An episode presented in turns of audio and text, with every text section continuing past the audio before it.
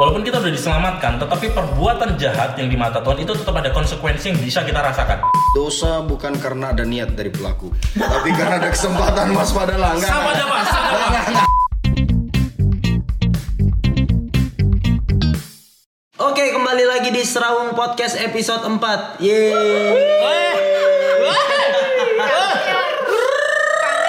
kangen ya kangen Cie. Kita senang ya banyak yang mention gitu.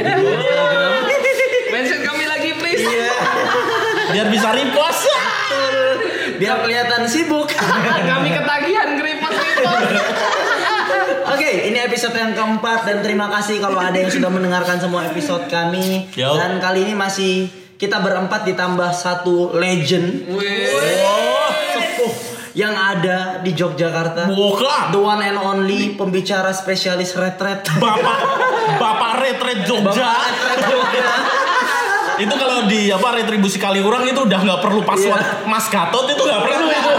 itu langsung bablas saja. Betul. Sudah sampai passwordnya diomongin di sini Oh iya, ketahuan. Nanti disensor. Oke, kayak gitu. Oke, dan kita akan perkenalkan dia dari dari satu gereja yang sama dengan saya, the one and only Pastor Andreas Dewanata. Mana Apanya? Shalom. Shalom. Nah, Ya kan udah udah kerasa seperti kerasa, retret kan? kan. mulai tidak butuh mikrofon nggak usah pakai mikir jadi pengen ngaku dosa. Apalagi pegang gitar nyanyi. Ah.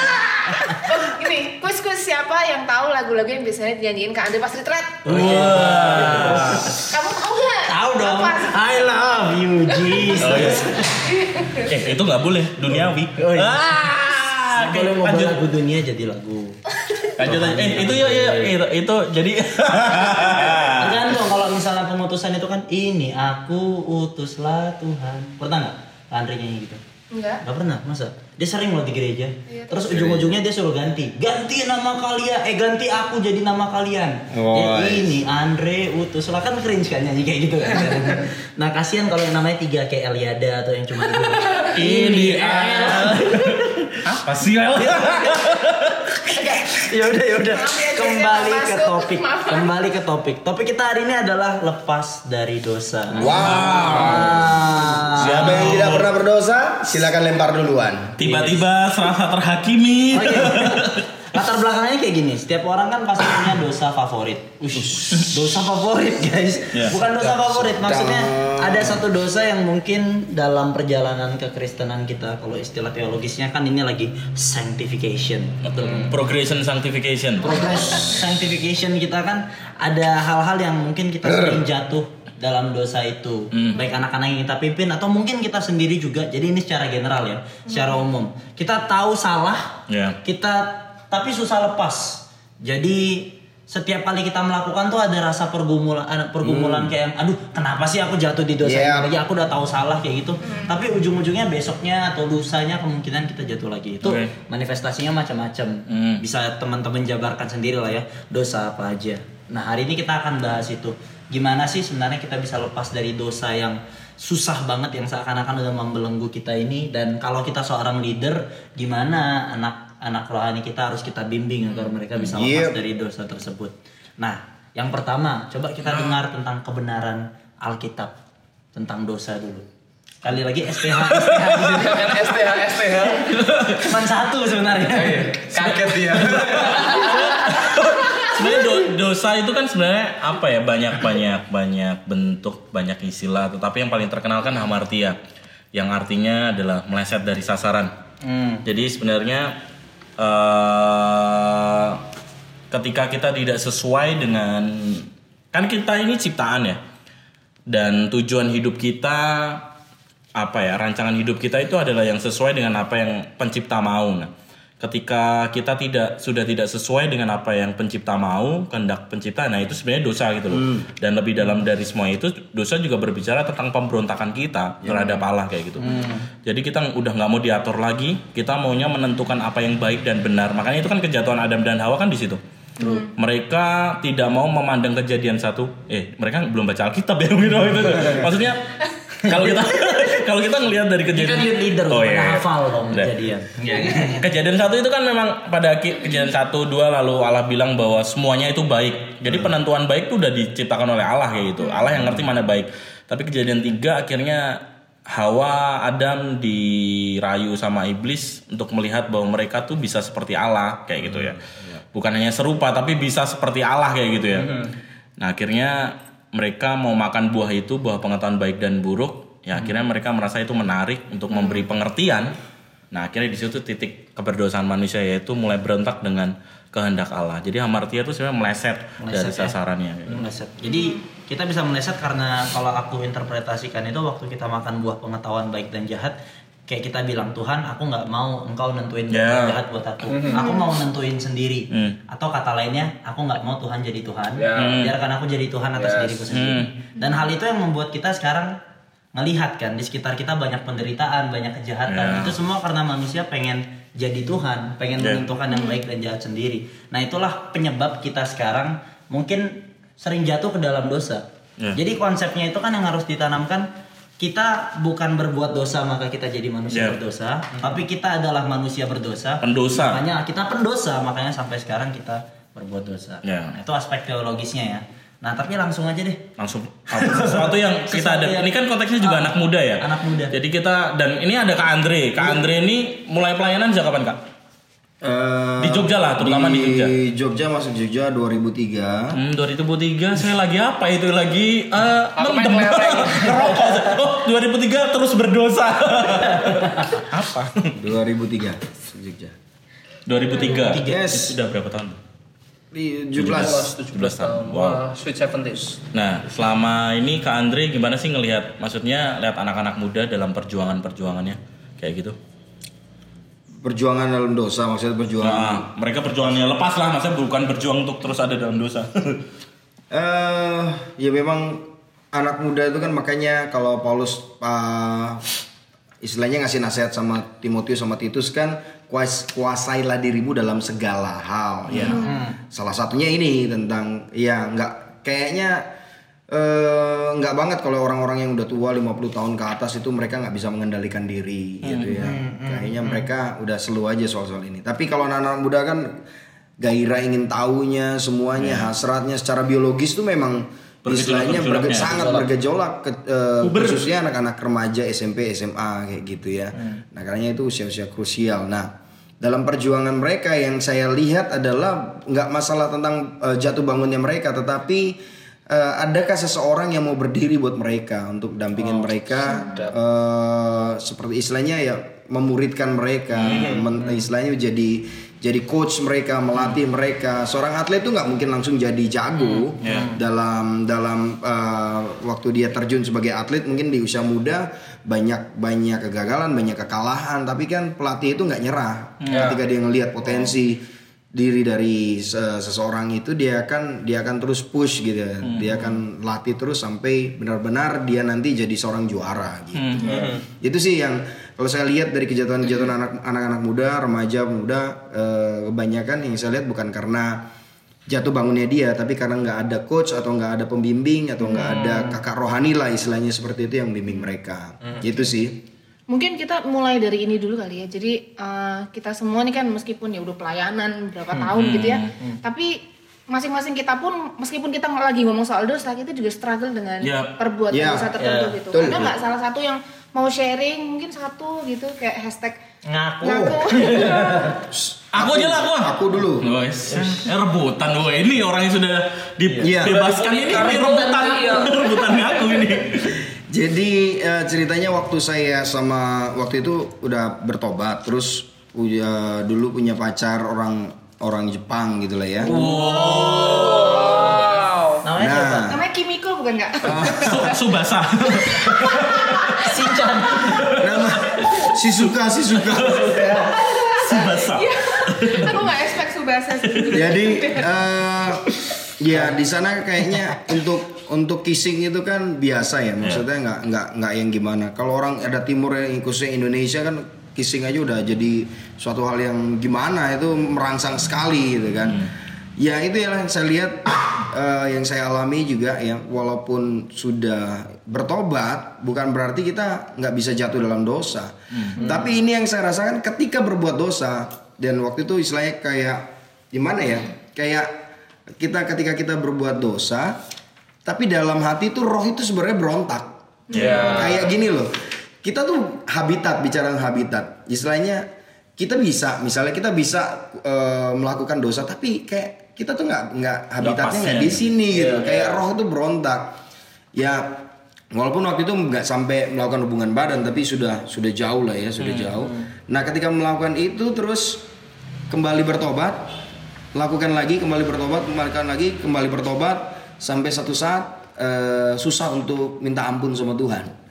Karena ngerasa bahwa ini kalau ada kesempatan sampai tahu gitu, ini kalau ada kesempatan pasti saya buat lagi. Nah, Iya. karena kita ngerti kita lemah di situ gitu dan kita tahu pasti banyak kesempatan untuk itu. Lalu ketika berbuat eh, berbuat dosa lagi, roh itu benar-benar rasa nggak nggak eh nggak kayak gini gitu loh kan. Bahkan rasanya kayak ini nih nggak nggak nggak seharusnya seperti ini. Sampai satu saat saya cuma bisa bilang ini Tuhan, saya mau lepas. Kalau Tuhan mau lepaskan saya, tolong saya nggak bisa. Nah, ternyata di sana ada surrender surrender all sama eh, sama Tuhan tuh nggak eh, istilahnya bukan dengan kekuatan kita sendiri gitu. Dan di situ juga saya jujur saya waktu itu belum ada mentoring yang gimana. Waktu itu posisi saya ada di sudah ada di Jogja waktu itu.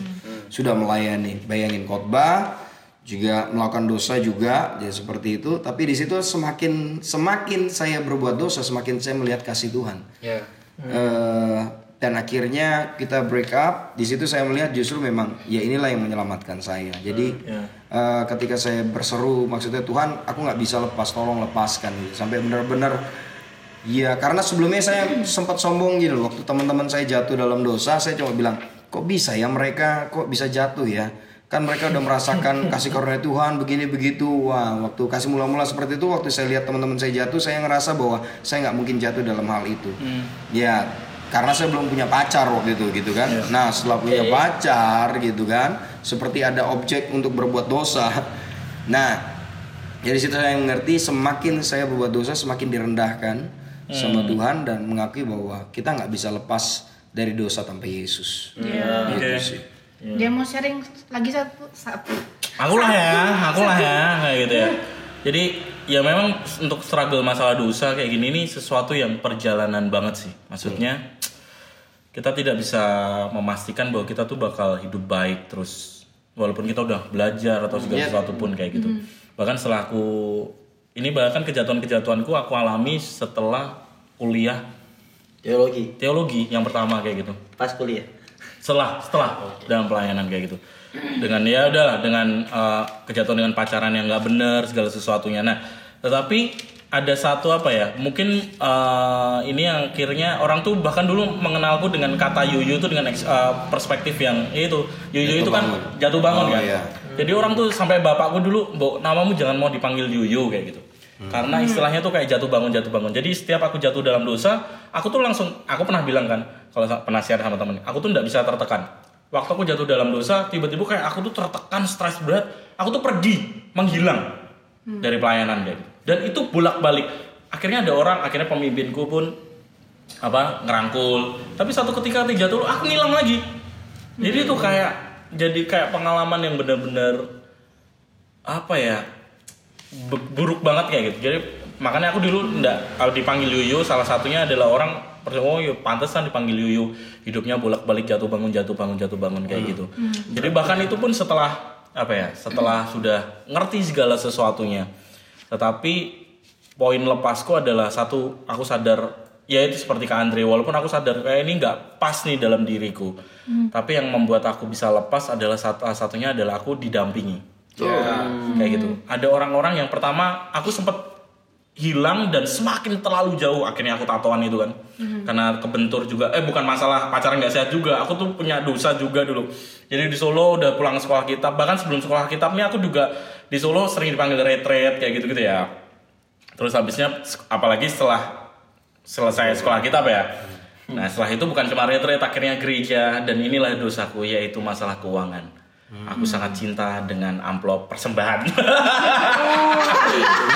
ini kejatuhan. Ini dosa gua ada dosa tentang keuangan. Aku tuh punya kecenderungan waktu dulu dapat PK kayak gitu ya. Itu buru-buru, nggak pulang, buru langsung ke kamar mandi kak. Ngitung. Ngitung. Dan langsung ekspektasi, oh ini boleh. Jadi aku sering banget jatuh dalam hal keuangan kayak gitu dulu juga kayak gitu. Dan akhirnya memang benar-benar kayak Tuhan tegur. Aku ngalami satu masalah dengan pemimpinku di gereja segala sesuatunya aku akhirnya aku titik kepahitan juga titik awal aku tatoan juga segala sesuatu. Nah di titik-titik itu kayak aku tuh kayak menghilang dan aku pada awalnya aku hampir nggak mau balik karena aku ngelihat juga banyak orang nggak nerima aku kayak gitu. Nggak banyak ya gimana udah sekolah kita pada ngerti lagi pada tahu lagi ngerokok lagi minum minuman lagi kayak gitu gitu kayak semakin tuh kayak memberatkan gitu loh untuk balik. Tapi satu ketika aku entah kenapa kok aku memutuskan setelah kitab lagi ya waktu itu. Memutuskan walaupun dalam belajar teologi sistematika kayak gitu ya tetap aja ngerokok pulang minum lagi kayak gitu. Masih lah dalam semester awal. Tapi aku pulih ada beberapa faktor. Yang faktor pertama adalah temanku yang namanya Bernard. Dia tuh nemenin aku ke mana pun aku pergi. Hmm. dia orang yang menolong aku untuk benar-benar ngelihat bahwa salah satu orang lepas dari masalah dosa dan segala itu adalah penerimaan sih. Bernard gak pernah ngelok kayak aku. Maksudnya dia tetap negur atau apa pun, tapi dia tak tidak pernah menjadi orang yang berpikir aku oh ini orang hebat dulu akhirnya munafik kayak gini-gini dia nggak pernah gitu. Dia tetap main sama aku main PS segala sesuatunya. Kuliah bareng dan setelah itu akhirnya aku konseling punya pemimpin segala sesuatu dan pemimpin aku melihat penerimaan sih di situ titik-titik kebebasanku di situ dan semakin melihat anugerah Allah tentunya ya anugerah Allah yang makanya kalau teman-teman ini salah satu kenapa kok aku selalu tidak pernah lepas dari berita Injil dalam penyampaian firman karena aku tahu aku ini orang yang sangat-sangat berdosa dan aku bisa lepas karena Injil Ya. nah itu yang ah begitulah Kesadaran akan keberdosaan itu kadang yang memahami itu sendiri Ya. udah bisa membuat kita bebas Ya. sebenarnya. Ya. Kalau tidak ada orang yang tidak berdosa. Ya. Pastor El? Nah kalau aku, aku ingat satu perkataannya mentorku tuh gini. Dia tanya waktu itu di ibadah, apakah ikan bisa hidup di daratan? Banyak orang jawab nggak bisa. Terus dia bilang bisa, tapi cuman bentar. Oke. Sama orang percaya itu kadang jatuh dalam dosa, tapi nggak akan bertahan di dalam dosa itu terus menerus.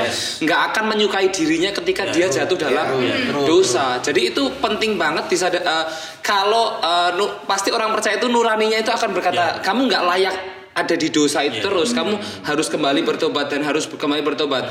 Nah kalau dan aku percaya gini kalau Adam dan Hawa itu kan pengen tahu yang baik dan benar. Tahu artinya dengan knowledge dia. Padahal Tuhan kalau di perjanjian baru Paulus tuh bilang aku hidup dengan nurani yang benar. Artinya dia nurutin nuraninya. Ketika eh, nuraninya bilang kamu nggak nggak- kamu nggak seharusnya berdosa datang ke pemimpinmu minta didoakan ya udah datang aja gitu loh.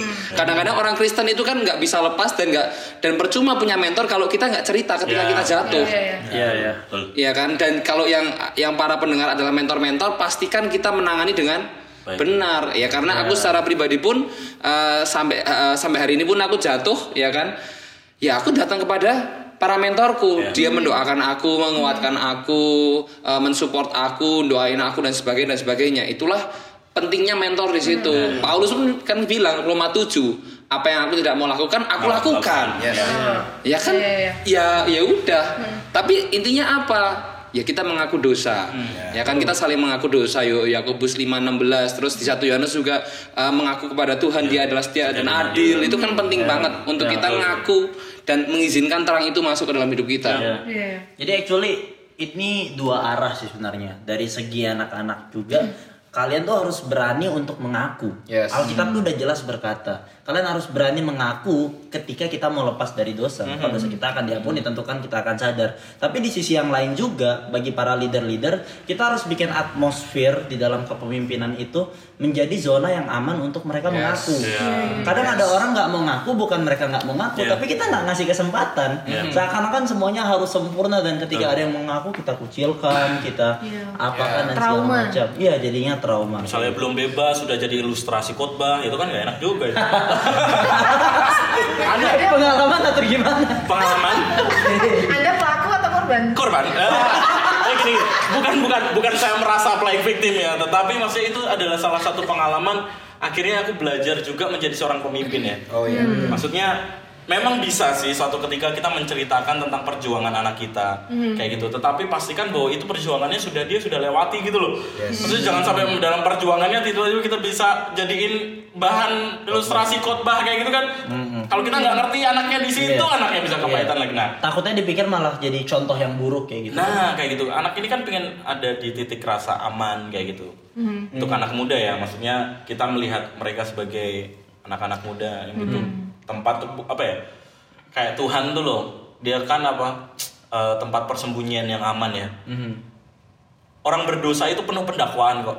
Iya. Satu sisi dari dirinya sendiri, Paling berat. paling berat tuh dari diri sendiri kayak tadi sebenarnya kita nggak harus ada di tempat ini tapi kenapa kok kita melakukan ini terus habis itu belum lagi dari orang-orang lain belum lagi iblis lah pasti juga mendakwa kita segala sesuatunya itu tuh butuh kayak tempat persembunyian gitu loh. Dan memang benar Tuhan tuh butuh eh, Tuhan itu tempat persembunyian yang paling aman. Bukan berarti Tuhan menutupi dosa ya maksudnya membiarkan dosa. Tetapi paling nggak Tuhan tuh menerima kita manusia berdosa dan Tuhan menolong kita untuk kita tuh ada dalam keadaan yang tenang kayak gitu. Supaya kita bisa ngaku sama Tuhan. Iya. Ya. waktu dalam keadaan tenang aman kita tuh bisa ngaku semuanya kok. Kayak gitu. Oke, mungkin kalau bisa diresum em, sudah 20 menit ini. ini kelihatannya bakal panjang Iya, deh karena perjuangan dosa itu Podcast kali ini sepanjang 3 jam guys. Sabar ya. Jadi mungkin kalau boleh aku resum ya, nanti kita akan bahas beberapa topik karena ada eh, FAQ, frequent Frequently asked question. Ada beberapa pertanyaan yang sering diajukan soal topik ini lepas dari dosa. Mungkin sebelum kita beranjak ke hmm, pertanyaan selanjutnya, mungkin kalau boleh simpulkan. Jadi eh, intinya sebenarnya kita semua ini adalah pendosa. Ya. Gitu. Tapi kita diselamatkan. Makanya Martin Luther punya satu istilah yang aku suka banget, simul justus et peccator. Yang artinya adalah di saat yang bersamaan kita nih pendosa, tapi di saat yang sama kita sudah dibenarkan. ya Dan kita masih harus berjuang dengan um, Nature. Sisa-sisa nature dosa habitat. dan Ya, habit- habit yang habit. harus uh, kita reduce ini pelan-pelan Iya. gitu. Nah, nah kalau ada kata habit, nah ini yang kita mau obrolin gitu. Fokusnya jadi Hmm. gimana sih struggle-nya orang percaya dalam kita melepaskan habit dosa yang masih berpotensi sangat eh masih sangat berpotensi untuk kita lakukan di kehidupan kita sekarang gitu. Oke. Ya. Hmm. Langsung masuk ke pertanyaannya. Ini ada beberapa orang yang nanya, Kak sebenarnya Tuhan marah nggak sih kalau kita bikin dosa? Hmm. Marah lah marah tetap dalam murka Allah Ya. karena Allah benci dosa True. kayak gitu dan juga Tapi memang marahnya nggak nggak seperti yang kita bayangkan gitu. Ya, dia marah, tapi kan dia juga memberikan anaknya yang tunggal untuk menyelamatkan jiwa Ya. kita kayak gitu.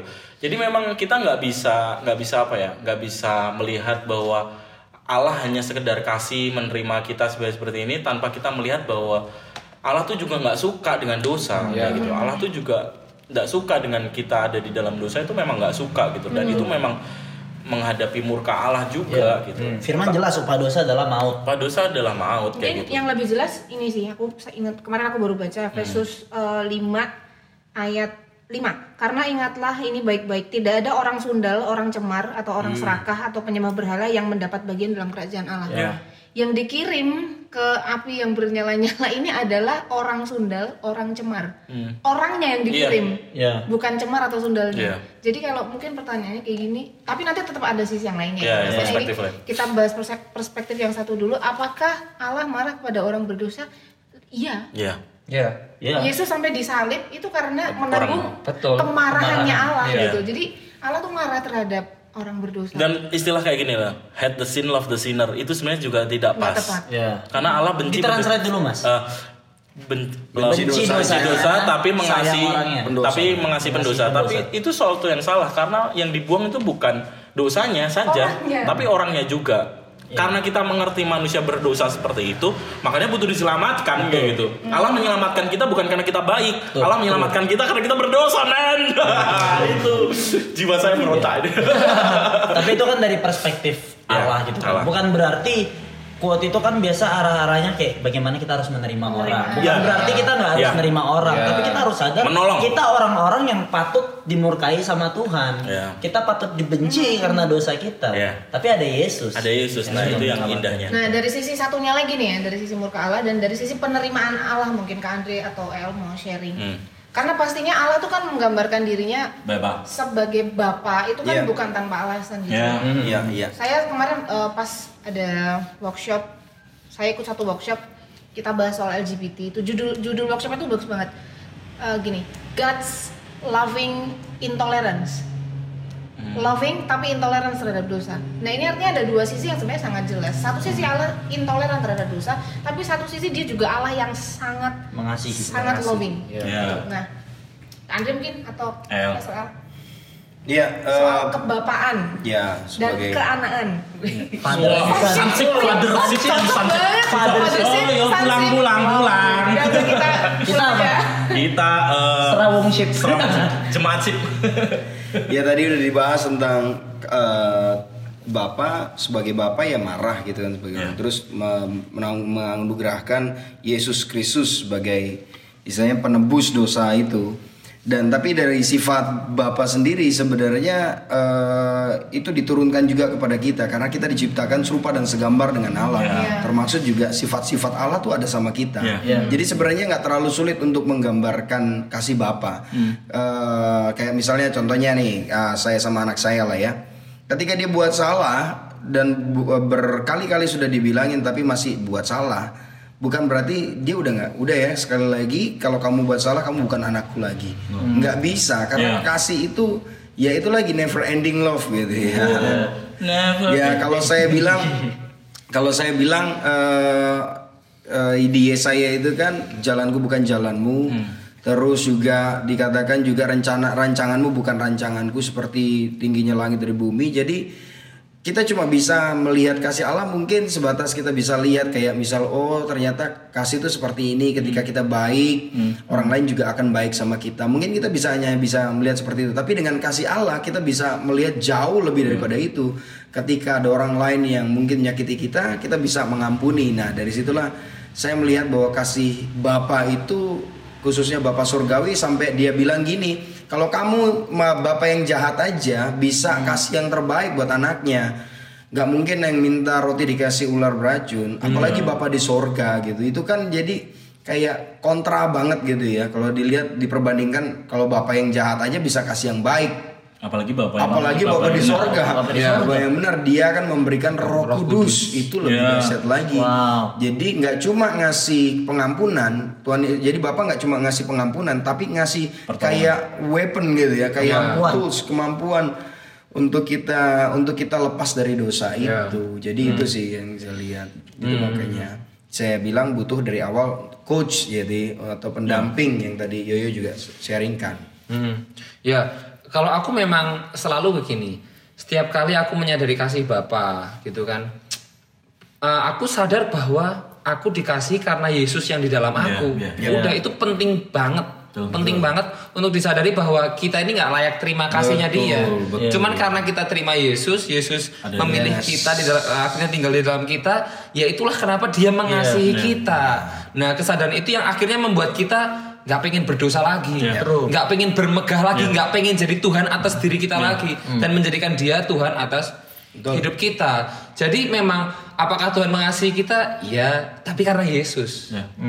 Tapi karena Yesus dan ya itu kayak eh, itu mungkin mengulang yang tadi ya. Cuman per- memang kalau secara aku pribadi eh, penerimaan Tuhan Yesus ya memang bukan karena aku. Rima aku adalah oh ya karena Yesus, Ya, karena Yesus, karena Ya. Yesus tinggal di dalam aku. Ya. Ya. Itu yang membuat aku akhirnya bisa. Nah, itu menarik, aku jadi ingat sesuatu. Pengertian tentang Yesus tinggal di dalam kita harusnya kan betapa mahalnya pengorbanan Kristus dan betapa kita bersyukur tentang itu sehingga kita mau lepas dari dosa kan. Iya. Tapi kan kadang ada apa paham-paham yang aku suka sebut paham karikatur atau paham kartun yang agak lucu yang kita tanamkan ke anak-anak supaya mereka lepas dari dosa. Contohnya, Yesus di dalam kamu, jangan ngerokok dong, kasihan diasepin terus.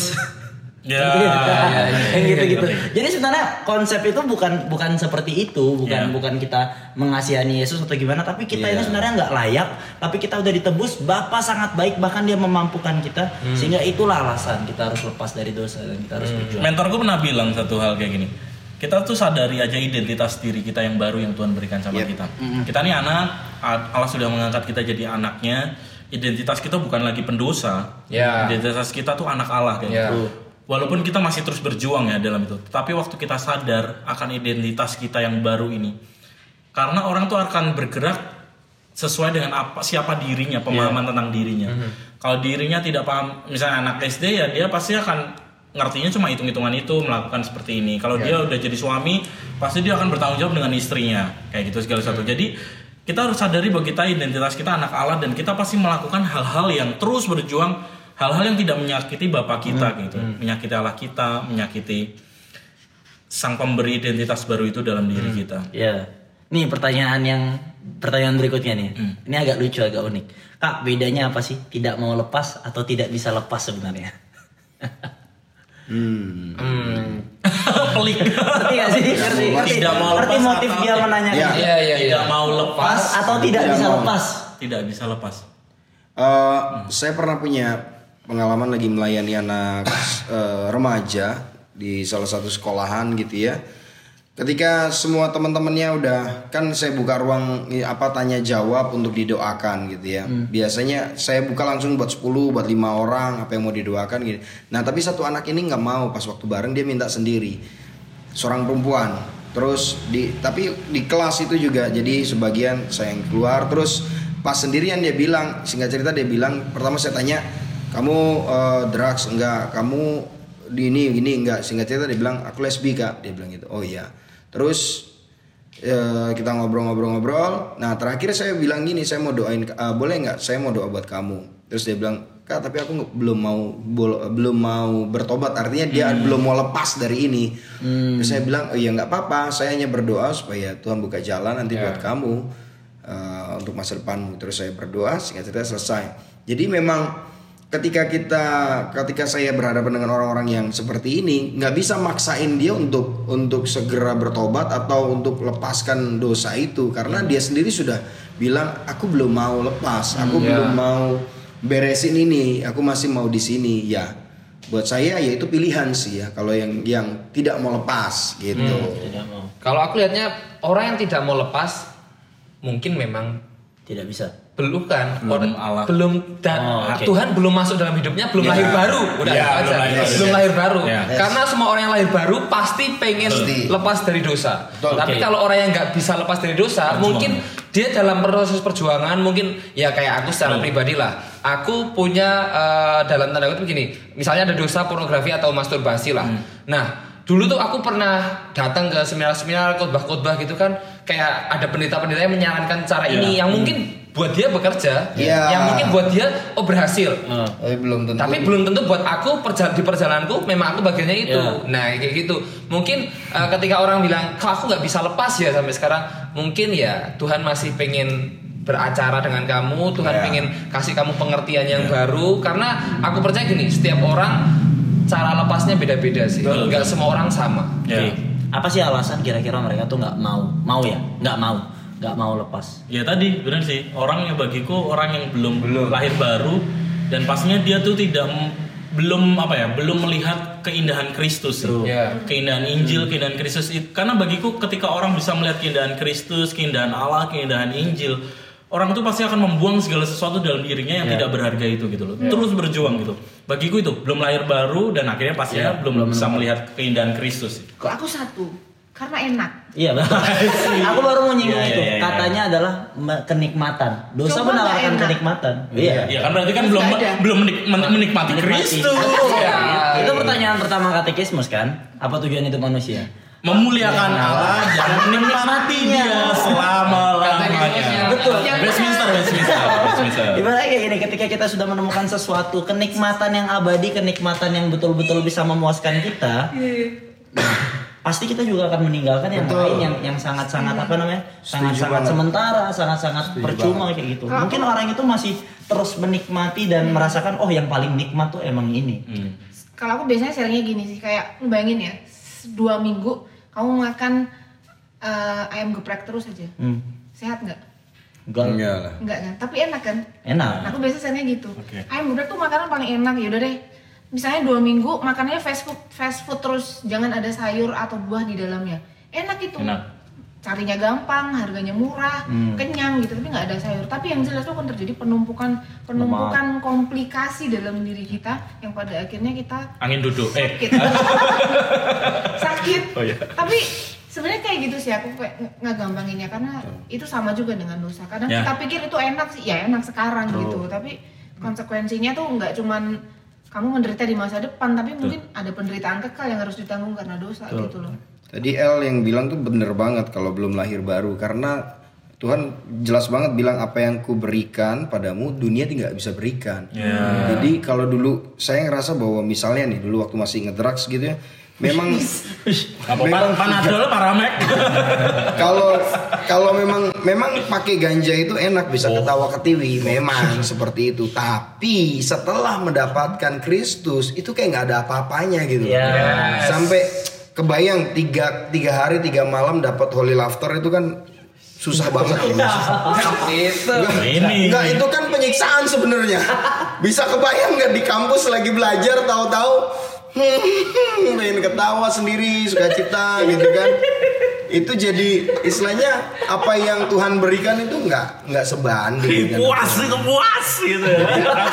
Jadi memang benar banget kalau belum lahir baru belum eh, belum merasakan Kristus Iya, ya nggak ada Ya, true, true, true, true. Dan merasakan Kristus, menikmati Allah itu akan membuat kita bisa menyingkirkan semua alasan-alasan kita nggak mau lepas. Iya. Salah satu alasan yang banyak selain tadi kan dosa enak. Yang kedua sosial. Yes Ih, Pergaulan kamu udah nggak asyik lagi sekarang. Ih dasar kamu anak dan Tuhan. suci akhirnya gitu-gitu. memang menemukan untuk salah satu dulu aku juga lepas ini konteksnya adalah dalam titik awal ya maksudnya gimana aku lahir Perjuangan. perju- eh, sebelum benar-benar kenal Kristus gitu yang akhirnya akhirnya aku bertobat mau terima apa mau kenal Kristus kayak gitu sadar bahwa memang salah satunya adalah harus lem- berani apa ya berani keluar dari komunitas yang memang nggak baik. Iya, Itu itu sama. Wow. Mm-mm. gitu karena misalnya dulu ngerokok minum-minum terus ngomong kotor kayak gitu ya. Ini kan perjuangan anak-anak anak-anak teens ya anak-anak remaja kayak gitu. Kadang-kadang takut gitu takut takut nggak punya temen. Nah ini akhirnya ada dua hal yang harus kita lihat. Pertama dari sisi anak itu memang harus keluar tapi sebagai kita pemimpin kita harus juga punya kom- membuat komunitas Ya setuju. yang mereka tuh seperti tidak asing gitu loh juga. Jangan sampai mereka lepas dari komunitas teman-temannya yang asik itu walaupun jahat tiba-tiba masuk gereja tiba-tiba nggak asik ya itu juga bisa membahaya Iya. memang kayak gitu jadi ini tanggung jawab bersama makanya Iya. salah satu perjuangannya adalah perjuangan korporat juga untuk kayak gini nih Uh, menurutku tolong uh, perlu dibedakan antara kita berteman dengan berkomunitas. Oh, ya. iya. Ya, itu itu itu Ya. bukannya kita me- mengkat semua hubungan dengan orang-orang tapi yang kok bagiku loh El, untuk pertama kali memang harus cut Iya, itu iya, aku iya. sih aku Iya. Tergantung Betul, masing-masing. betul, betul. aku aku pertama kali memang benar-benar memutuskan untuk cut walaupun setelah itu aku balik lagi maksudnya untuk berteman dengan Iya, iya, iya. jadi Aku- habitnya tuh loh Ya, habitnya yang aku hindari harus harus pulih dulu nih, Iya, harus pulih betul, dulu. betul. Betul.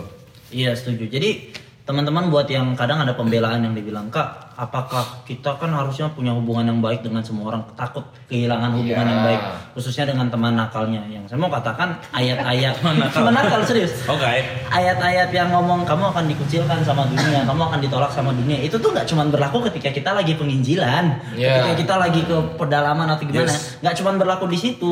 Sebatas kita nggak berbuat dosa lagi dan nggak ngikutin mereka nakal dan kita Betul. ditolak ya udah Alkitab sudah bilang kita akan ngadepin itu. Iya. Tapi Tuhan akan ngasih kekuatan dan kepuasan kita ada di situ. Iya. Oke, pertanyaan selanjutnya. Kak, aku udah sudah sering tobat nangis-nangis. Kalau altar call, penyerahan diri udah sampai guling-guling juga, maju paling depan. Tapi kok masih jatuh ya? itu sih perlu diperiksakan kepala kan juga jatuh lah jangan ada gangguan gitu di kepalanya dangdut ya dangdut jatuh bangunan oh iya Kalau aku melihatnya tuh gini, uh, ada satu mentorku bilang kayak gini, kita ketika kita terima Tuhan Yesus, roh kita ini sempurna. ya Oke. Cuman yang nggak sempurna adalah jiwanya. Ya. Jadi perlu apa yang di kaosnya Mas Yu ini, renewing, Renewing your mind. Metanoia. Iya, metanoia. Karena perobatan kan itu juga perubahan pikiran. Iya, Iya iya, kan? iya, Artinya benar, gini misalnya aku secara pribadi salah satu hal yang aku lakukan adalah uh, ini ini aku uh, dari dari mentorku dia bilang kayak gini, kamu bukan orang berdosa lagi. ya Kamu sudah tidak berdosa lagi. Jadi setiap kali kamu uh, mau berdosa, kamu datang ke Tuhan, lalu kamu berdoa. "A- Aku kudus seperti Yesus kudus. Aku kudus. Itu kan ada ayatnya di satu Petrus sekian gitu loh. Aku kudus karena Allah kudus. Iya. Aku kudus karena Allah kudus. Karena yang masalah nih di sini di pikiran dan di tubuh, di Ya, dalam darah itu udah ya, ada dosa. setuju, setuju. Dan nah itulah yang harus kita fight terus menerus. Ya kan fight pertarungannya di situ. Tapi memang kita tidak boleh kalah intimidasi. Kenapa? Karena di dalam roh kita udah sempurna. Ya. Iya, Nah, iya. itu sih. Hmm. Bener-bener. Pertobatan itu kan tiap hari tuh. Yes. Bukan ya? cuman Martin Luther nggak baru sih? sekali ya. Pertobatan tuh bukan awal, pertoba eh pertobatan itu bukan, Bukan awal, tetapi pertobatan itu adalah kehi- eh pertobatan tuh bukan awal kehidupan, tetapi pertobatan itu adalah kehidupannya. Wow. Iya, iya, iya. Jadi iya. bukan awal kehidupan, tetapi memang kehidupan orang Kristen tuh pertobatan, Yes. dalam pertobatan. gitu. Iya. Iya. Nah, terus lanjut. Eh, Yang mana siapa yang Silakan, siapa Mas. siapa ini? Silakan, Mas. Eh, Enak banget ngomong dosa ini kayak mana? Manusia berdosa ngomong dosa cocok dong. itu kita Sarjana dosa sebenarnya. kita tuh paling expert memang masalah dosa kayak gitu. Dan pembaruan akal budi juga jangan lupa dengan kebenaran firman Tuhan juga sih. Maksudnya itu yang akhirnya memupuk Betul. apa ya kan satu Korin 2 Korintus 3:16 atau Segala tulisan. segala tulisan Allah yang dia yang dilakukan Allah menolong kita untuk eh, mendidik, Ya. mengajar, menasihati, mengubah kesalahan. menyatakan kesalahan, Memperbaiki kehidupan. memperbaiki tingkah laku kehidupan kayak gitu. Nah, itu yang memang harus juga dalam diri kita karena Roh Kudus akan mengingatkan juga dengan kebenaran-kebenaran firman yang dalam diri kita Iya, gitu. iya. terus bertumbuh sih. Kalau menurutku nggak cuman eh sorry kak, nggak cuman sekedar kadang ada orang yang sampai memberhalakan dia pengen lepas dari dosanya sampai nyoba cara, tapi dia lupa satu yang esensi. Alami kasih Tuhan, dia Ya, bertumbuh. itu dia. Betul. Pupuk aja diri kita dengan pemahaman firman Ya. Tuhan dan kita akan lihat dosa itu akan lepas dengan sendirinya nanti kalau kita udah kuat dalam. Dan sadar juga bahwa lepas dari dosa itu juga keberserahan ya. Ya, betul. Iya, Karena tadi. bukan kuat kita. Bukan kuat kita juga. Iya. Semakin kita berserah sama Tuhan, kita tahu bahwa Tuhan yang menolong itu. Pasti ya dalam perjalanan kita akan melihat anugerah Tuhan nopang hidup kita kok. Gitu. Nah, Andre tadi kan Andre. Iya. eh, Om ini protagonis tamu loh, tamu loh, tamu loh. hampir lupa, hampir lupa. Karena dia tahu. Ya jadi eh, yang tadi Noel bilang hampir sama sama yang eh, mau saya bilang juga bahwa kita kadang fokusnya sama pengen lepas dari dosa, kenengking dosa. Terus saya iya kayak beneran loh kayak Tuhan dalam nama Yesus istilah, saya pasti dalam tiga bulan ini pengen istilah suci gini gini gini. Semakin kita berusaha lepas dari dosa, semakin kayaknya kita terikat gitu. Ya. Salah fokus gitu loh. Dan makin tertekan Makin tertekan betul. Da- tapi ketika kita semakin fokus sama Yesus, istilahnya tadi kalau Noel bilang pakai bahasa kasihnya Tuhan, pupuk dengan ya otomatis kalau orang banyak ah, pembicara-pembicara banyak pakai ilustrasi nuang gelas yang mengeluarkan yang lain. Jadi Itu itu ya, peglin tuh. enggak misalnya diisi Enggak kopi, ada di- bola pingpong itu loh. Iya, Oh, di- dituangin air terus, jadi Tapi jadi akan berubah gitu. Jadi kalau kita, saya percayalah ketika kita bangun hubungan dekat dengan Tuhan, dengan Firman, istilahnya otomatis otomatis dosa tuh nggak akan bertahan gitu. Ya. Begitu. Tapi ada masalah lagi nih. Apa?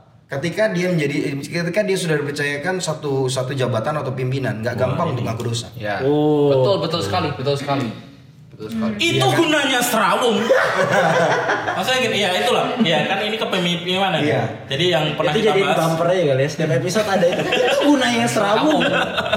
apa kita pemimpin makanya kan selalu harus tampak baik fine aja di Iya. depan orang kayak gitu padahal kita ini sedang ada pergumulan ya akhirnya perlunya mentor perlunya juga sahabat selevel ya untuk bisa share apa adanya gitu. Kadang-kadang sama mentor itu kan juga pakai ewo ewo pakai ewo Iya, betul. udah dididik lama-lama kok tetap aja kayak gitu-gitu. Tapi sama sahabat tuh sering kali kita bisa Dipercayain ya, banyak. kita sama sahabat akhirnya bisa terbuka karena sama-sama struggle-nya kan pasti True. nah, kayak gitu. Karena pernah juga ngalamin yang kayak gini maksudnya ketika ketemu anak-anak rohani ada rohani kayaknya kita pakai oh topengnya yang super istilahnya kayak Superior. "Oh, wow ini nggak mungkin jatuh dalam dosa tapi ketika sendirian rasa aduh kok gue Ya. capek banget struggle dengan dosa sampai satu saat pernah saya tuh nangis nggak tahu kenapa padahal itu jamnya ngapel gitu loh, ngapel calon istri saya waktu itu ketemu sama dia ngobrol tau-tau nangis aja nangis. Kenapa? Terus dia tanya lo kamu kenapa nangis? Sampai nangis itu bener-bener eh, sampai seseguan lah istilahnya gitu enggak aku cuma capek harus tampil sempurna di depan adik-adikku sedangkan aku tahu Tuhan salah tapi setelah ada pengakuan itu wah leganya minta ampun. Betul. Betul lega banget. Sering orang bilang gini, ya namanya juga manusia, pasti ada kurang-kurangnya gitu-gitu. Kalau buat aku pribadi nih ya, maksudnya eh, aku juga punya pergumulan dalam melawan satu dua hal yang aku jelas-jelas aku tahu tuh Tuhan nggak suka gitu, dan aku harus lepaskan itu tuh nggak tahu karena mungkin aku orangnya lebih lebih thinking gitu ya. Kalau aku tuh selalu mikir gini, em, Paulus di Roma kan dia bilang kita nih seteru Allah. Yang diperdamaikan lewat kematian anaknya gitu. Iya. Seteru itu kan musuh. Aku Iya. selalu membayangin gimana rasanya bermusuhan dengan Allah. Waduh. Dan buat aku dosa itu bukan ke bukan kekurangan, itu bukan kelemahan, itu tuh per- permusuhan dengan Iya. Allah gitu loh. Ya, ya. Kalau kita anaknya masa iya kita berteman dengan musuhnya gitu loh. Ya. Jadi kalau aku secara pribadi sih aku harus naruh kayak aku menempatkan segala sesuatu di di dalam otakku tuh gini. Jadi dosa itu apa? Jadi manusia baru itu apa? Kalau dosa adalah permusuhan dengan Allah, aku harus simpan itu baik-baik dan dalam hatiku aku harus selalu ingat bahwa itu bukan aku lagi. Yes. Aku aku udah bukan musuh Allah lagi. Kenapa aku masih melakukan hal-hal yang Yep. dimusuhi oleh Allah Ya. gitu? Dan Pertanyaan itu pertama, motivasinya bukan motivasinya bukan ketakutan ya. Motivasinya adalah ucapan syukur. Hmm. Karena aku ingat aku dulu nih dimusuhin, tapi ya. sekarang diperdamaikan. Ya. Gitu. Dan aku nggak suka kata-kata apa tadi? Manusia kita kan masih biasa. kita kan manusia biasa bisa jatuh dalam dosa. Benar secara fisik, tapi secara kita tuh kalau kita tuh masanya manusia baru. Hmm. Dan, Iya, iya. dan tadi udah disinggung Anda juga penting buat lebih mengingat dan menanamkan bahwa siapa kita di dalam Kristus. Betul. Instead of kayak jangan berdosa, jangan berdosa, jangan berdosa, kayak kita berusaha jaga banget, tapi mending kita mendekatkan diri kepada Tuhan karena otomatis menjauh tuh dosa. Iya. Ya kan? Terus sama aku pernah eh, tadi Kak Anda bilang berserah, aku keinget satu kisah waktu itu lucu banget. Jadi waktu itu aku datang ke sebuah ya conference lah, conference gitu, Oke. rame gitu. Aku jadi pembicara. Aku jadi pembicara. Nah aku tuh di ruang kayak di green roomnya gitu, di ruang hamba Tuhannya. Terus ada yang lain lagi khotbah, lagi khotbah. Terus altar, aku tuh kan gak, gak dengerin khotbah apa karena aku ngobrol sama temanku. Terus tiba-tiba disuruh, El, ayo bantu doain. Nah, Aku datang, aku masuk ke ruang ibadah. Yang khotbah bilang kayak gini, ayo yang mau berjanji tidak berada dalam dosa lagi, maju ke depan. Wah anak-anak muda maju ke depan. Batin hatiku, kamu berjanji tidak berbuat dosa itu udah dosa menurutku. Karena kamu mencoba tidak berdosa dan segala sesuatu yang gunakan kekuatan sendirimu Ya. kamu sendiri adalah Ya, ya. kutuk. Ya, ya, Alkitab ya, kan ya. tulis kayak gitu. Terus aku masuk lagi, saya menyerah kalau ini. Percuma kok doakan. saya menyerah. Jadi aku bodo amat, aku nggak doain ya. Kenapa? Karena itunya aja udah salah. Ya. Kita nggak bisa janji sama Tuhan, Tuhan aku nggak mau berdosa Ya, lagi. Ya, itu itu storynya Bang Andreas Simanjuntak beberapa waktu Ketergantungan ya, ketergantungan. Aku pernah dengar satu khotbahnya seorang pastor dari Singapura namanya Joseph Prince. Nah, dia bilang kayak gini. Gue pikir mau di itu tutupi namanya. Ya kan bisa di tip Oh, gitu, iya. ya kan? Nggak apa-apa sih. Pastor Prince. Kita udah nyebut banyak sudah nama dari kemarin. Dia tuh bilang kayak gini, kadang-kadang orang Kristen kesalahan orang Kristen adalah dia jatuh dalam dosa, dia menyesal bertobat, dia berjanji lagi. Iya. Ya nggak bisa. Dia nggak, kita tuh nggak bisa berjanji Tuhan aku nggak mau berdosa lagi. Itu aja udah dosa karena kita menggunakan pikiran kita, kemampuan Ya. kita untuk tidak berdosa. Ya. Nah itu sih. Nah, tapi ini hati-hati juga. Sekali lagi jangan sampai ditanamkan di pikiran kalau itu adalah excuse kita buat berbuat dosa. Ya, Ini betul. adalah pengantarku untuk pertanyaan yang hampir terakhir. Nah, ini ada kata-kata, Kak, gimana cara kita ngadapin anak-anak atau pemahaman orang yang kayak gini? Ya, nggak apa-apa lah berbuat dosa. Kan nanti diampuni Tuhan lagi. Waduh. Eh, dosa tuh tetap ada konsekuensi loh dalam hal gini walaupun kita udah diselamatkan tetapi perbuatan jahat yang di mata Tuhan itu tetap ada konsekuensi yang bisa kita rasakan contoh Daud. Dia bukan yang umat pilihan sejak awal ya? Eh dia memang umat pilihan sejak awal. Tapi dia jatuh dalam dosa dengan Bathsheba. Apa yang dia terima? Iya. anaknya mati. Bahkan keluarganya saling membunuh. Iya. ada konsekuensi-konsekuensi yang memang Allah izinkan terjadi. Jadi kita tuh jangan menganggap rendah Allah gitu loh dengan kata kasih seakan-akan kita malah merendahkan Allah. Karena juga dalam Ibrani jelas siapa anak yang nggak dihajar sama bapaknya. Betul. Nah itu jadi kita juga harus menanamkan sih rasa takut akan Tuhan tuh Iya. pada diri anak muda tuh juga memang memang Allah mengasihi kita. Memang kalau kita ngomong dosa ya itu kan yang diampuni dosa masa lalu, dosa sekarang dan dosa masa depan. Itu memang secara teologis itu seperti itu. Tetapi bukan berarti kita semena-mena kayak Paulus bilang dengan kebebasanmu lalu kamu membuat dosa lagi. Karena selalu akan ada konsekuensi. Paling nggak dengan diri kita, keluarga kita, sekeliling kita gitu loh. Ini bukan bukan beda lagi dengan kutuk ya. Beda lagi tetapi memang ini tuh Tuhan izinkan hajar diri kita supaya kita tetap ada dalam track yang benar Iya, gitu loh. Karena kita manusia berdosa dengan kesengajaan kita berbuat dosa Tuhan hajar kita kayak gitu Biar tidak berdosa. tidak berdosa kayak gitu. Uh. Nah, kayak misal kayak pengalamanku yang aku bilang aku jatuh dalam dosa itu dan akhirnya aku bentrok dengan pemimpinku dan kepahitan bagiku itu hajaran Tuhan bagi hidupku gitu loh. Aku kembali diremukkan karena dulu aku sombong, gua udah khotbah, ada kayak ini di mana-mana. Tuhan remuin aku dengan dalam tanda ka- dalam kutip kayak dipermalukan kayak gitu. Tapi aku sekarang melihat bahwa itu adalah ajaran Tuhan yang baik buat hidupku. Dan akhirnya aku belajar untuk terus belajar untuk bertanggung jawab dengan segala sesuatunya karena dosa ada tetap ada risikonya. Jangan jangan pikir kita nih nggak lepas dari semuanya itu gitu. Walaupun ini beda untuk ngomong dengan keselamatan ya. Ya, ya, ya. Bukan Berbeda sama ya. ya. Aku mau berbeda tapi udah dijelasin. berbeda untuk masalah prinsip keselamatan ya. Allah menyelamatkan kita. Clear. Itu bukan karena anu, kekuatan kita itu anugerah Allah semata dan jaminannya pasti. Tetapi ini masalah kehidupan kita sebagai anak-anak Allah.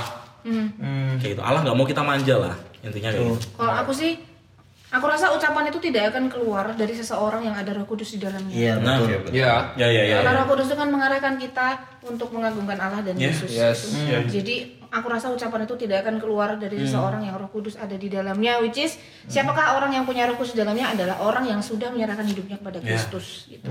Jadi kalau dia adalah orang-orang yang benar-benar sudah lahir baru, Roh Kudus pasti tinggal di dalamnya, dan orang yang Roh Kudus tinggal di dalamnya tidak akan mengucapkan kata-kata seperti itu. Yes. Nah kadang-kadang eh, aku pernah baca satu buku em, Francis Chan, judulnya Forgotten God. Gitu. Artinya itu bicara soal Roh Kudus, sih. Jadi kita sering sering berpikir bahwa Roh Kudus tuh kayak kayak sesuatu gitu loh yang bisa keluar, bisa masuk, bisa datang, bisa pergi. Padahal Roh Kudus itu adalah Switch lampu gitu ya. Iya kayak switch lampu gitu lagi nggak ada Roh Kudus. Oh enggak sih, sebenarnya Roh Kudus itu Diam. pribadi sal- pribadi dari Allah, Allah Tritunggal yang yang pribadi. ya ya ya Allah Roh Kudus itu tinggal dalam diri kita, dia bicara, dia mengingatkan, dia menerangi, dia menunjukkan gitu loh.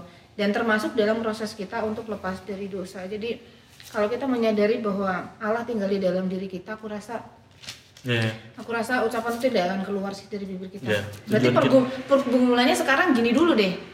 Udah yakin belum nih ikut Yesus gitu? ya, ya. Ya.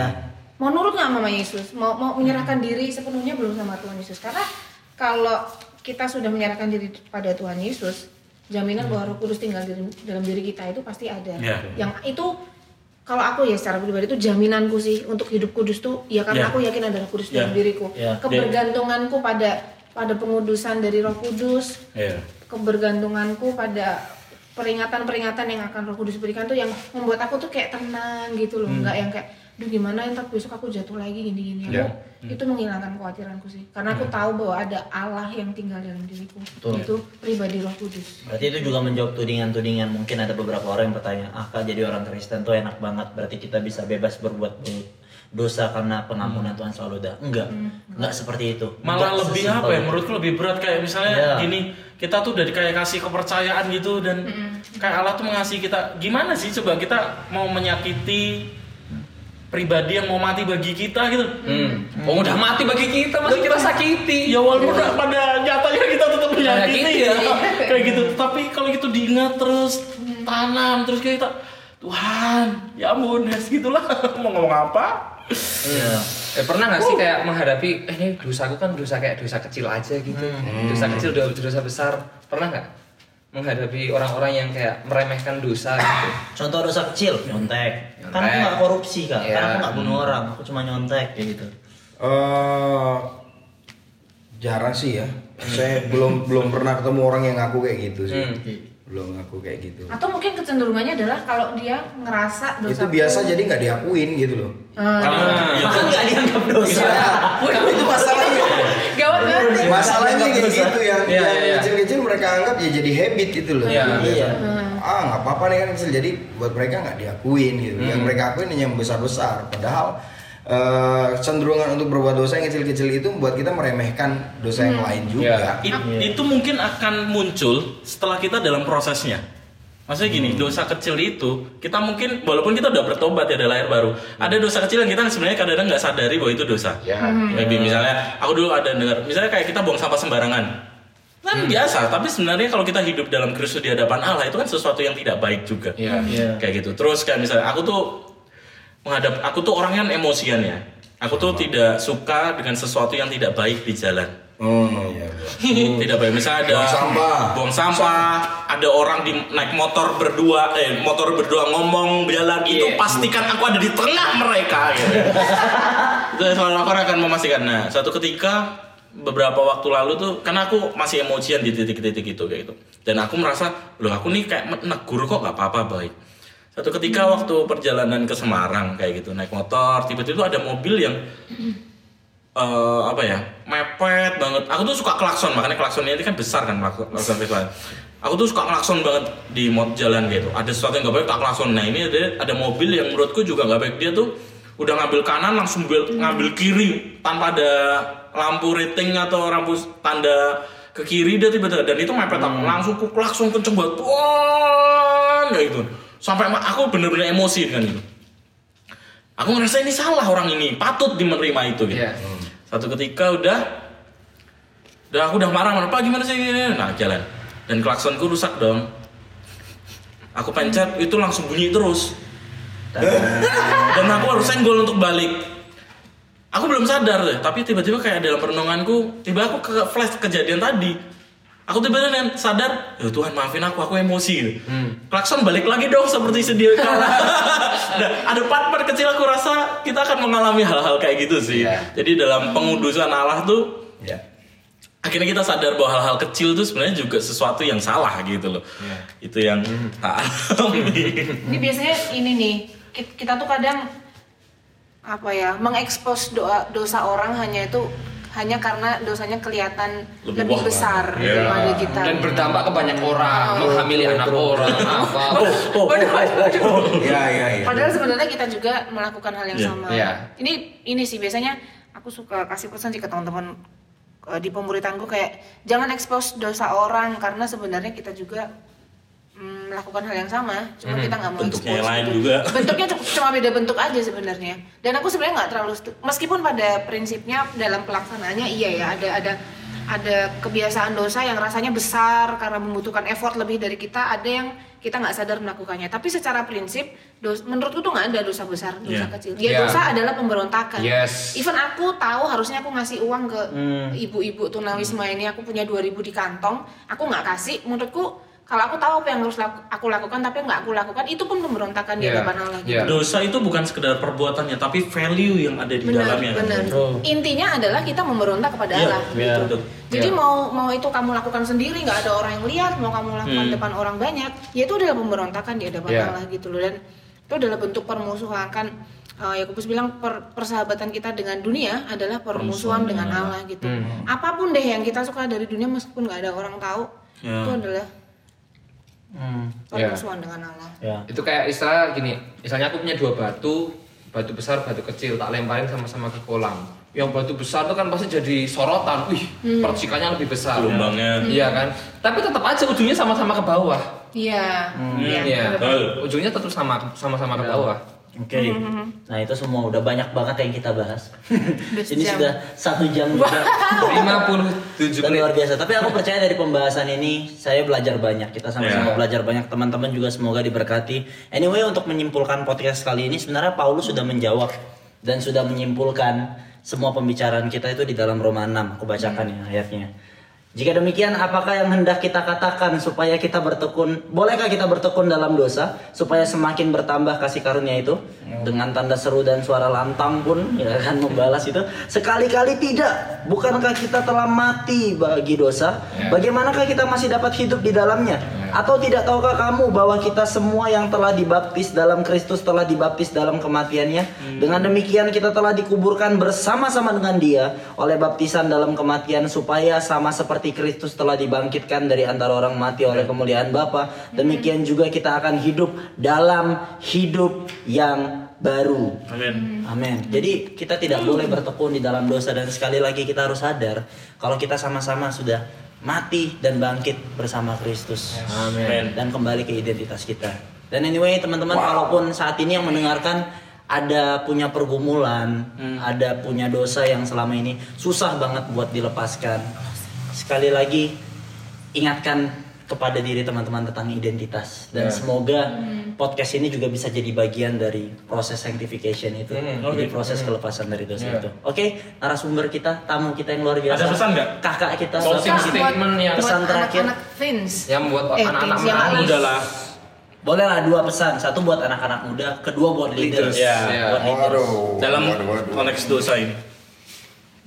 Konteks untuk bisa lepas gitu ya. Bisa gimana? lepas, bisa melayaninya gimana kayak gitu. Iya. Ingat, dosa bukan karena ada niat dari pelaku, tapi karena ada kesempatan. Enggak, Sama enggak. sama Pak. Sama dah. adalah Ya jadi untuk yang untuk yang eh, teens, untuk anak-anak muda, eh, ketika merasa sulit, ya harus berani terbuka dengan pemimpin, ya harus berani terbuka dengan pemimpin seperti itu dan juga untuk coach, untuk para pemimpin, untuk para leader, eh, jangan jangan istilahnya jangan apa ya, jangan eh, alergi ketika ada ad- anak-anak rohani kita atau adik-adik rohani kita, mereka eh, konseling dengan kita dan ternyata mereka melakukan hal yang dos, eh, melakukan dosa yang menurut kita itu waduh berat banget gitu ya. Jadi, jadi buat buat saya itu aja. Sama-sama tadi Noel udah sempat sharing bu, apa namanya menciptakan atmosfernya itu untuk saling terbuka. Itu saja. Oke, luar biasa. Thank you Kak Andre, thank you semuanya. Sampai ketemu di episode-episode berikutnya. Ya, Dan teman-teman Serawung, Kami nantikan suara indahnya untuk Yoi. muncul di podcast ini. Siapa lagi habis ini? Iya. Iya, jangan lupa di-share juga di Instagram kalau kalian Di itu ya di story biar kita repost. Betul. itu aja motivasi. UMSNJH Noel Silalahi Tian Yestenia Tian saya Eliada sama Andre 97 berapa? Oh ya itulah itu Instagramnya. Oke, see you. God bless you all. Dah, God bless. Eh, pas satu jam.